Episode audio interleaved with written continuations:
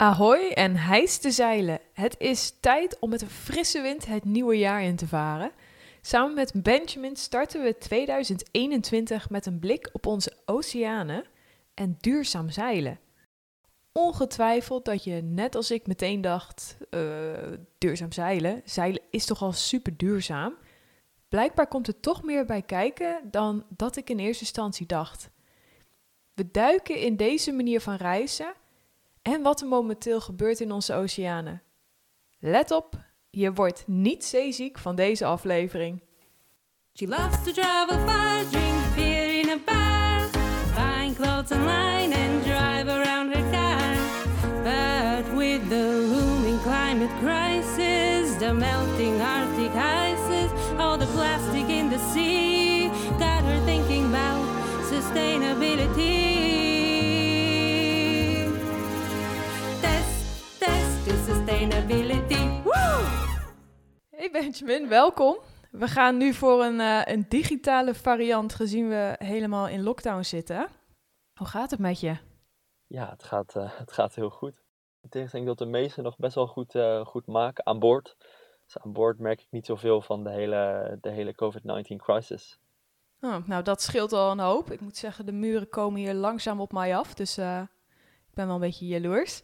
Ik vind het ontzettend leuk dat jij hier bij mij digitaal aan de tafel zit, want we gaan weer een nieuw onderwerp aantikken. We gaan namelijk praten over duurzaam zeilen, over de oceanen, een prachtige wereld waar ik meer van wil leren.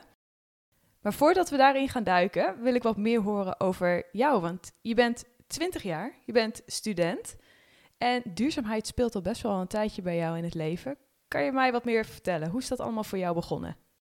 Ja, nou ten eerste heel erg fijn dat ik, uh, dat ik bij deze podcast mag spreken. Um, hoe is het bij mij begonnen?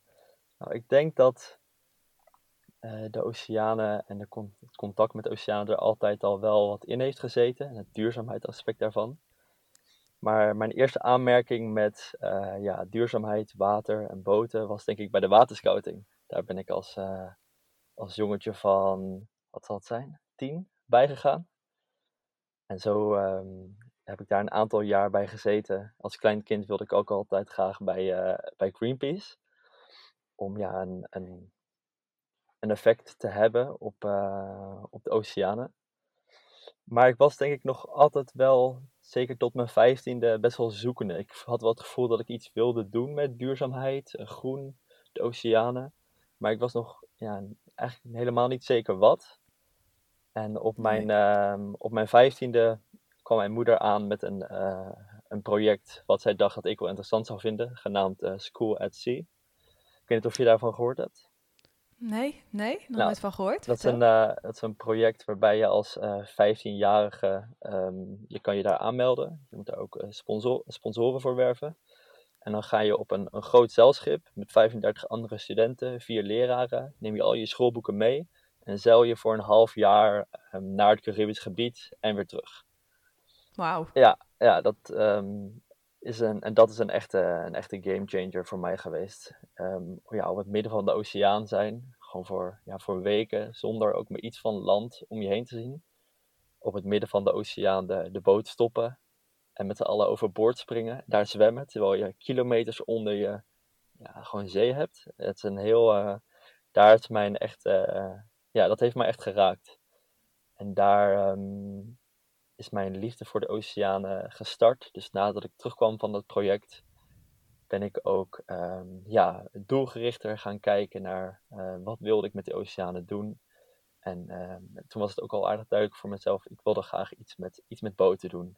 Ik wilde hmm. een eigen boot hebben. Ik vond het magisch om, ja, de vrijheid van een boot is heel anders dan op het land. Op het land ja, op boot heb je veel minder, minder regels waar je aan moet houden van waar je wel of niet mag varen. Eigenlijk kan je overal heen varen. Over die boot. Ik heb wel eens gehoord dat jij daar dingen hebt gezien die jou wel aan het denken hebben gezet over de duurzaamheid achter dat reizen. Die ja, manier van reizen. Ja, absoluut. Ja, dat, natuurlijk het, ik denk dat dat School at Sea project heeft ja, echt twee kanten. Um, ten eerste was het natuurlijk uh, ja, echt prachtig en ben ik echt geïnspireerd geraakt. Maar ik ben daar aan boord dus ook direct uh, geconfronteerd met de manier waarop de mensheid um, omgaat met ehm, ja, met de oceaan. Ik heb een, een, vraag voor jou. Heb jij, als je op de oceaan vaart met je, met je boot, en je hebt natuurlijk afval, want je, je koopt dingen, je slaat natuurlijk van tevoren heel groots in bij de supermarkt. En dan neem je al dat eten mee voor bijvoorbeeld de maand op zee. Ehm, wat voor afval denk jij dat er allemaal overboord mag? Oh, jeetje. Als je gewoon ehm, echt thuis zit en uit je koelkast, uh, of uit je gewoon al, je, al het eten wat je eet, wat, wat, wat gebeurt daarmee? Oeh, goede vraag. Nou, ik moet zeggen, als eerste, als ik op een boot zou zitten, wat ik een keer heb gedaan met whale watching in IJsland, ehm, was vooral wat overboord ging, was nou ja, alles wat in mijn maag zat. Het is echt, goh, het was heftig. maar verder, ja, wat je overboord zou doen, ik zou niet eens, ja, misschien de dingen die je ook in de compostbak doet. Ja, uh, precies. Ja, die, gaan, uh, die gaan overboord. En als je dan bijvoorbeeld een, uh, een glazen potje hebt, waar iets van boden in zitten, nou, die gaan ook overboord. Want zo zei mijn kapitein, zei uh, zei zo'n klein glazen potje, dat is een, uh, een huisje voor de visjes. Dus dat ging allemaal mm. overboord, al het glas. En dan verder al het blik, al het metaal ging ook overboord. En natuurlijk al het oh. groen. Het enige wat eigenlijk niet overboord mocht, was het plastic. Maar ja, um, de kapitein onder wij toen uh, voeren, um, ja, ik zou het niet een, uh, echt een voorbeeld noemen. Die gooide eigenlijk gewoon van alles overboord. Ze gingen ook plastic bezems overboord. Want zei hij, nee, dat was grotendeels metaal.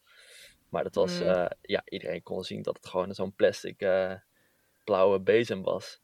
En die, nou, die man die gooide echt alles overboord. En dat was heel confronterend om te zien. Ja, kan ik me voorstellen. Zelfs op zo'n jonge leeftijd al. En toen je terugkwam, toen begon je na te denken. Je denkt van, hé, hey, hier wil ik wat mee doen. Waar leidde dat toe? Ja, waar leidde dat toe? Ik denk dat ik de, in de eerste uh, jaren nog ja, best wel heb gezocht. En, um, maar dat ik op een gegeven moment rond mijn, ja, ik denk mijn zeventiende, achttiende, uh, wel aardig zeker wist dat ik bijvoorbeeld een studie in Leeuwarden wilde doen, die hiermee te maken heeft. Um, kust- en zeemanagement. Dat studeer ik momenteel dus ook.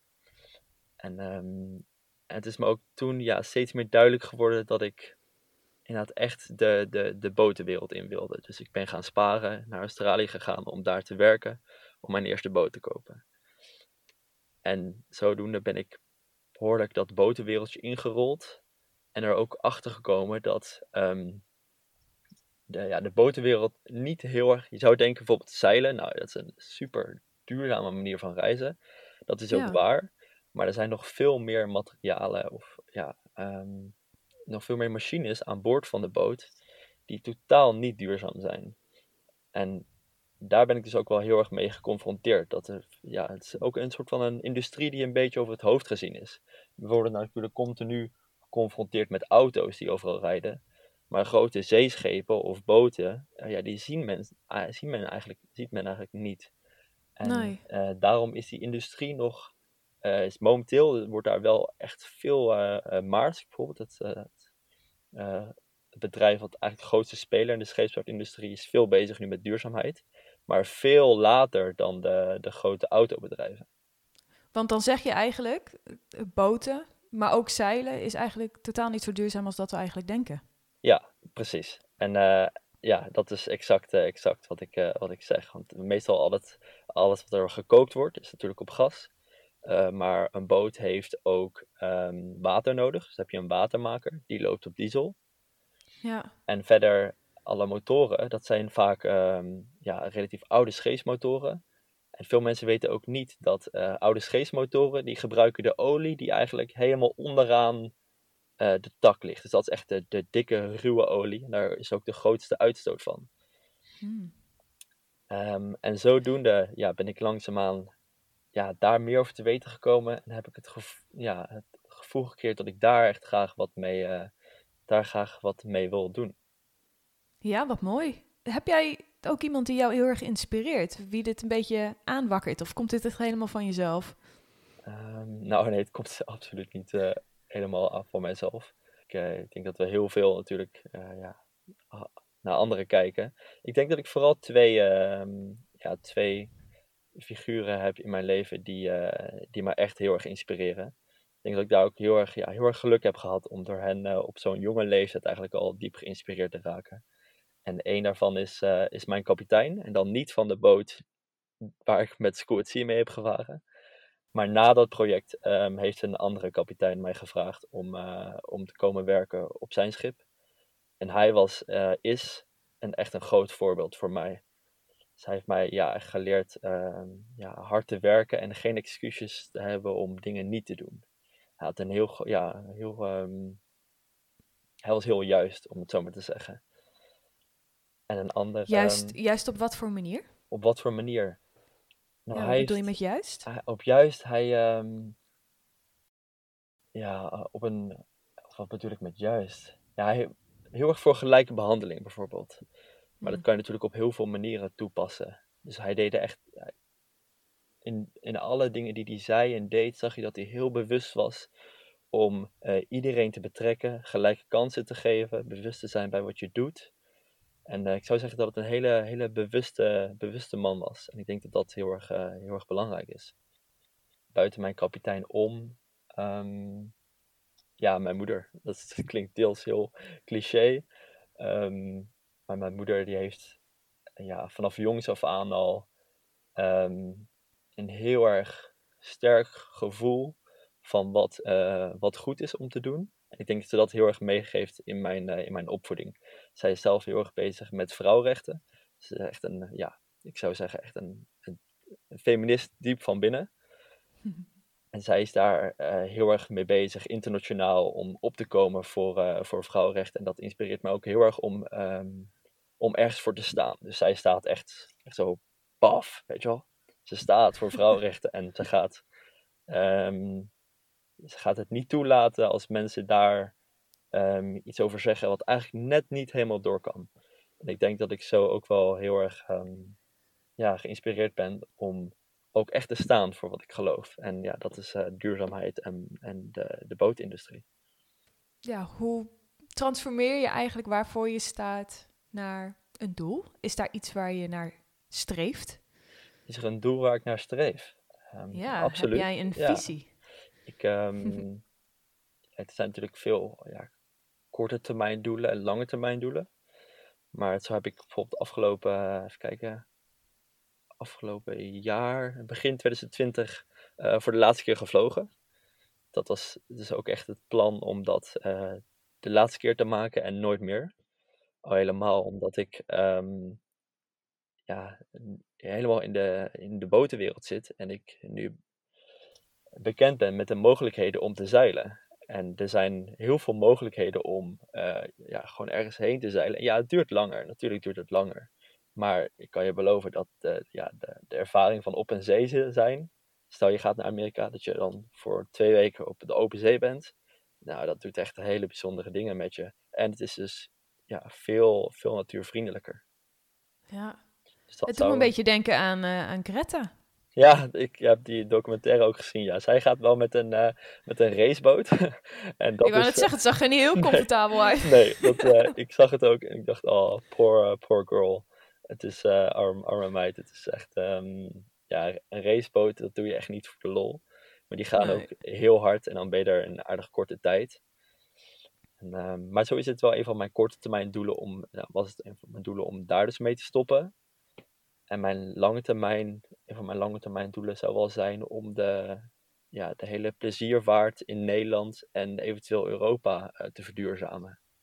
Oh, dat klinkt mooi. Ja. Met pleziervaart, echt uh, moet ik dan denken aan zeilen of is dat een, een, ja, een breder begrip? Achter? Ja, nou, dat is inderdaad wel een breder begrip. Dat is inderdaad ook, uh, het zijn natuurlijk allemaal particuliere boten eigenlijk.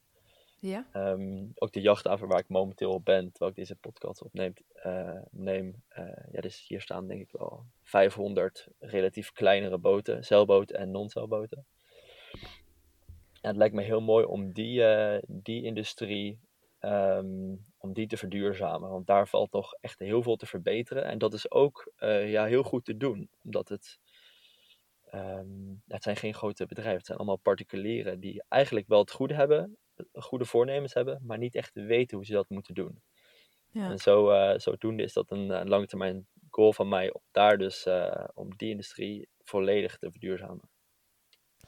En ik hoorde je ook zeggen, wat ik super mooi vond, nou, hè, ik, ik ga stoppen met vliegen en ik ga me focussen op uh, het, het reizen met de boot en het verduurzamen dan ook van die manier van reizen. Hoe zie jij dat voor mensen, eigenlijk zoals ik, die al zeeziek worden van de gedachte om zo te reizen? Is dat iets waar je overheen kan zetten? Nou, ik, ik, ik ken jouw gevoel van zeeziekte heel goed. Ik heb dat zelf, uh, heb dat zelf ook gehad. Um, ook ja, meerdere keren, eigenlijk elke keer als we ergens aan land waren voor een langere tijd en dan weer vertrokken, was ik de eerste dag altijd mega zeeziek. Um, maar over een, ja, als je dat vaker doet, op een gegeven moment ben je eraan. Ik zou je ook vooral aanraden om geen ziektepillen te slikken, want dan bent je lichaam nooit aan het zijn op een boot. Maar als jij, um, ja, als jij graag met een zeilboot ergens heen zou willen varen, dan heb je ten eerste echt een veel mooiere ervaring dan vliegen. Maar er zijn best wel veel apps en ook um, groepen waarbij je je aan kan melden. Bijvoorbeeld Find My Crew. Daar kan je gewoon een account aanmaken en zeggen wie je bent, wat voor leeftijd en hoe en wat je kan. En daar staan allemaal reizen eigenlijk op aangeboden van mensen die een boot hebben. Bijvoorbeeld stel ik heb een boot en ik ga weten dat ik over twee weken vanuit Nederland naar de Canarische eilanden vaar.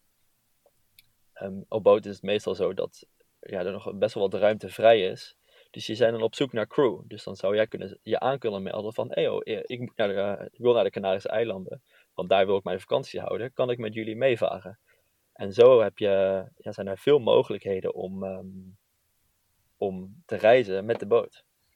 Dat is wel heel erg tof. Ik ben totaal niet handig en ik heb nul ervaring met boten. Zou je daarvoor wel in aanmerking kunnen komen? Absoluut, absoluut. Het zeilen zelf is, uh, is ja, zou ik zeggen, best wel makkelijk het wordt pas complex als je, um, ja, laten we zeggen, de, de, als het je eigen schip is en je hebt een moeilijke situatie. Waarin je of ineens een storm hebt, uh, maar ook als jij op de boot bent en je, je bent niet de kapitein van het schip, dan is dat voor jou nog steeds prima. Je kan gewoon doen wat die kapitein zegt van trek en dat touw. En dan kan je dat gaan doen. Zeilen zelf is echt niet, uh, echt niet lastig, maar het is het, het overzicht en alle technieken omheen die wel complex is. Ja. Nou, gaaf. Ik moet zeggen, het zet me wel aan het denken. Vooral uh, als de grenzen weer open gaan om weer te gaan reizen. Misschien zou dat wel eens een keer een, uh, misschien een bonus challenge worden. Ja, dat is een hele goede. Ja. Maar eventueel als ik uh, ergens deze zomervakantie nog heen vaar, dan kan je zo mee. Afgelopen zomervakantie zijn we, zijn we naar Noorwegen gevaren. Nou, we hadden met z'n tweeën, een goede vriend van mij, met een goede vriend van mij we hadden het ook niet verkeerd gevonden om een extra iemand te, te hebben. Want we hadden veel, uh, ja, het was veel niet slapen en heel veel varen. Ze waren echt enorm, uh, ja, enorm vermoeid toen we daar aankwamen. Ik moet zeggen, nou verkoop je het niet echt heel erg goed, hè? Nee, maar dat is omdat we met z'n tweeën waren. Dus ah, okay. we moesten altijd, ja, het was of je bent wakker, of je, je, je bent aan het zeilen. Want je moest met de hand sturen, onze automatische piloot was kapot. Maar meestal heb je een automatische piloot en dan wordt het schip gewoon bestuurd. En als je meerdere mensen hebt, dan kan je gewoon makkelijk een wachten draaien. Gewoon een paar uur de horizon bekijken en om je heen genieten van de zee. En de andere uren kan je eten maken, slapen en lekker een boekje lezen. Maar als je met weinig ja. mensen gaat, dan is het, uh, is het heel erg vermoeiend. En daarom zijn er juist altijd zoveel schepen op zoek naar andere mensen. Ik, uh, ik moet zeggen, nou verkoop je het wel heel goed. Het klinkt ook echt magisch. En vooral in, die, in de Nordics, prachtig. En over de oceanen gesproken, de wateren, jouw passie. Wat gebeurt er momenteel? Ik hoor dingen langskomen, ik heb documentaires gezien. Maar wat gebeurt er momenteel in onze oceanen waar, ja, wat wij op gebied van duurzaamheid in gedachten moeten houden? Um, nou ja, als eerste, waar, waar begin je eigenlijk? Omdat het uh, zoveel is. En ik denk ook dat het ja, echt een heel groot probleem is vooral omdat we niet echt in aanmerking komen met de oceaan en daarom deze problemen niet weten. Maar wat gebeurt er? Nou ja, ik denk dat het meest voor de hand liggende voorbeeld uh, global warming is. Ik denk dat ook het overgrote deel van de mensen zich daar wel bewust van zijn. Ook al is er ook nog wel een, een verbaasd. Ja, uh, verbaast me nog dat er ook echt nog een groep is die daar totaal niet mee eens is. Terwijl je, ja, hoe kan je het nou niet eens zijn met iets waar je, wat je met het blote oog eigenlijk gewoon ziet gebeuren? Maar global warming zorgt er onder andere voor dat natuurlijk de zeespiegel stijgt. En ja, daar zijn heel veel landen die daardoor echt gigantisch in de problemen gaan komen. Dus het is ook dat de, de oceaan niet op alle plekken even snel stijgt. Dus in Nederland kunnen wij wel een stijging hebben van zoveel centimeter. Maar op in een ander land kan het nog veel hoger liggen. De oceaan is niet overal gelijk. Dus dat is echt een, een, een groot probleem, waardoor we CO2 ja, echt snel zouden moeten stoppen. En dat komt omdat natuurlijk de, de aarde opwarmt en daardoor smelt het ijs. Daardoor is er meer water en stijgt zo de zeespiegel. En een ander voorbeeld met global warming is natuurlijk de, de, ja, de koraalriffen die verdwijnen. En ik denk dat dat ook wel iets is wat veel in het nieuws komt.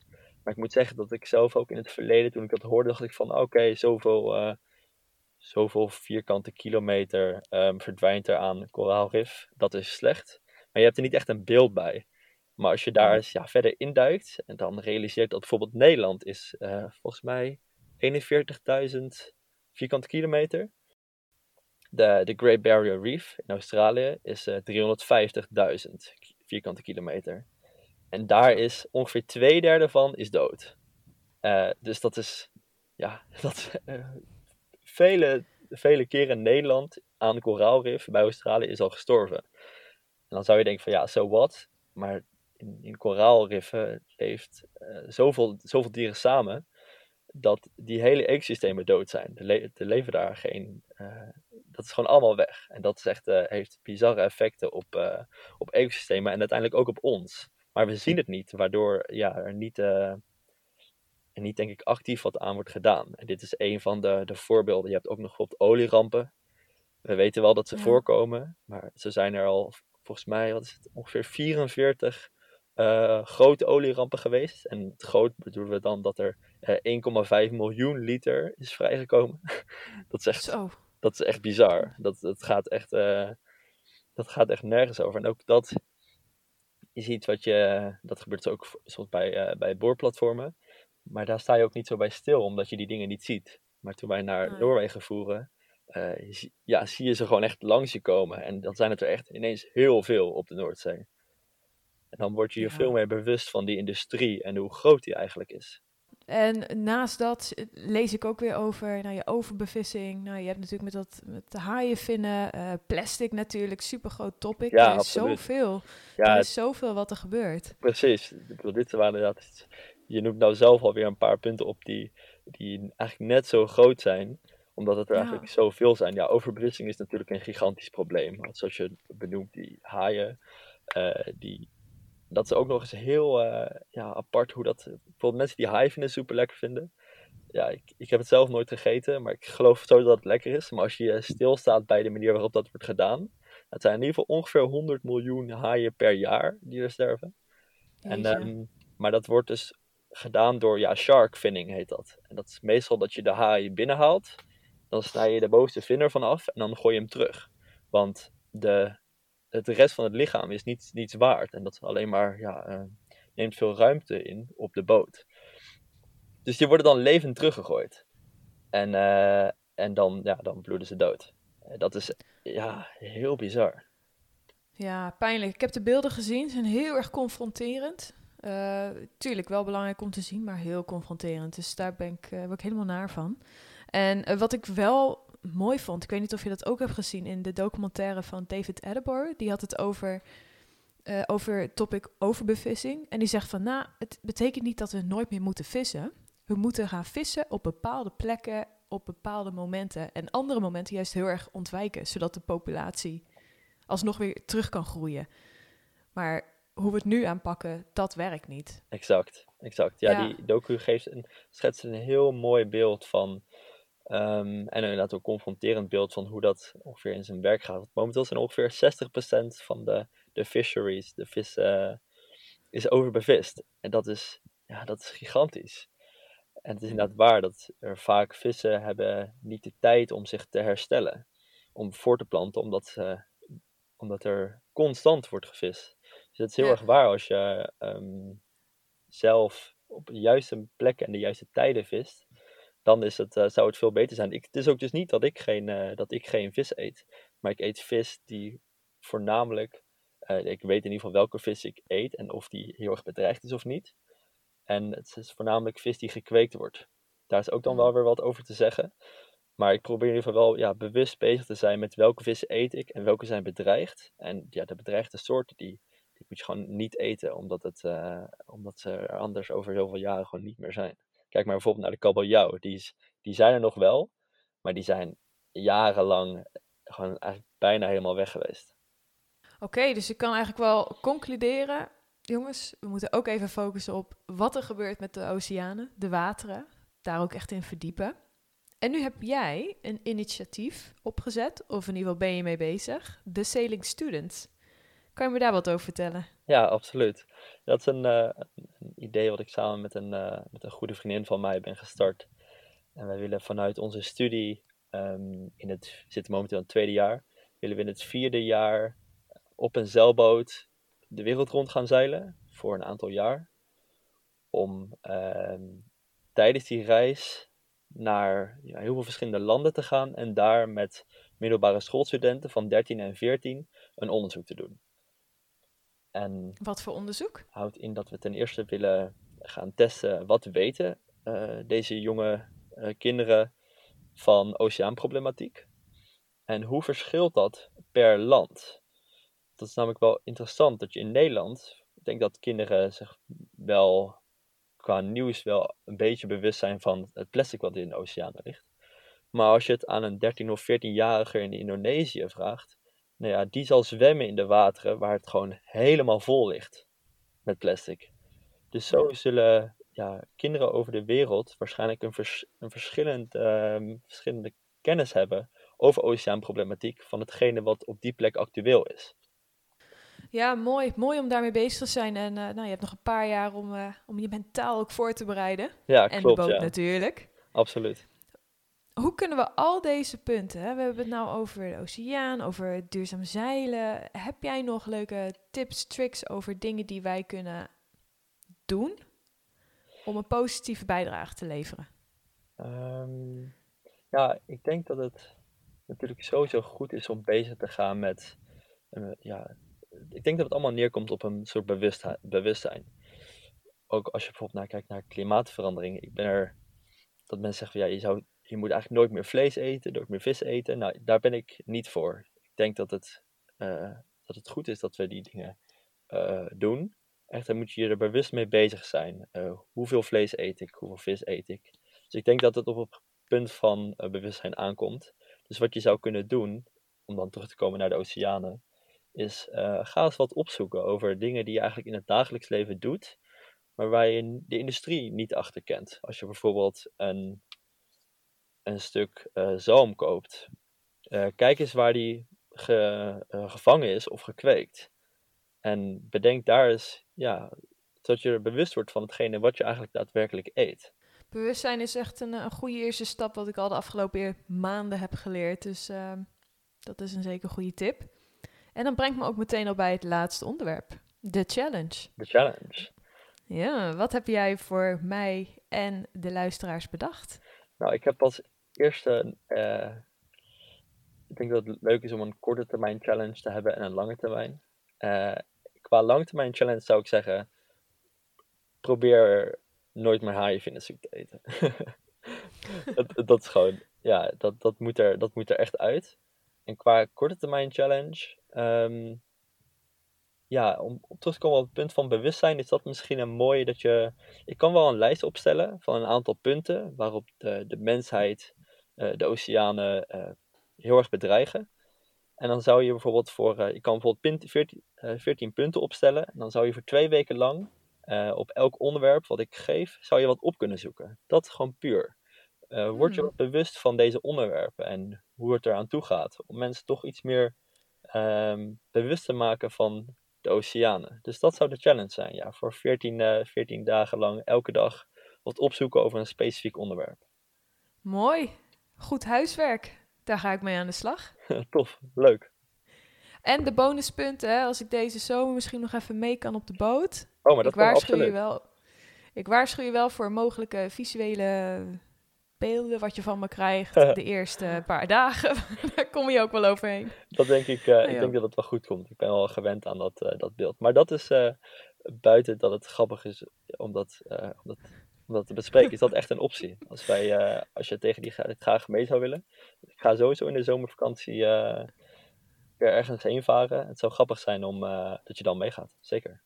Gaaf. Awesome. Nou, daarmee sluit ik ook meteen het, het gesprek af, voordat je je terug gaat trekken.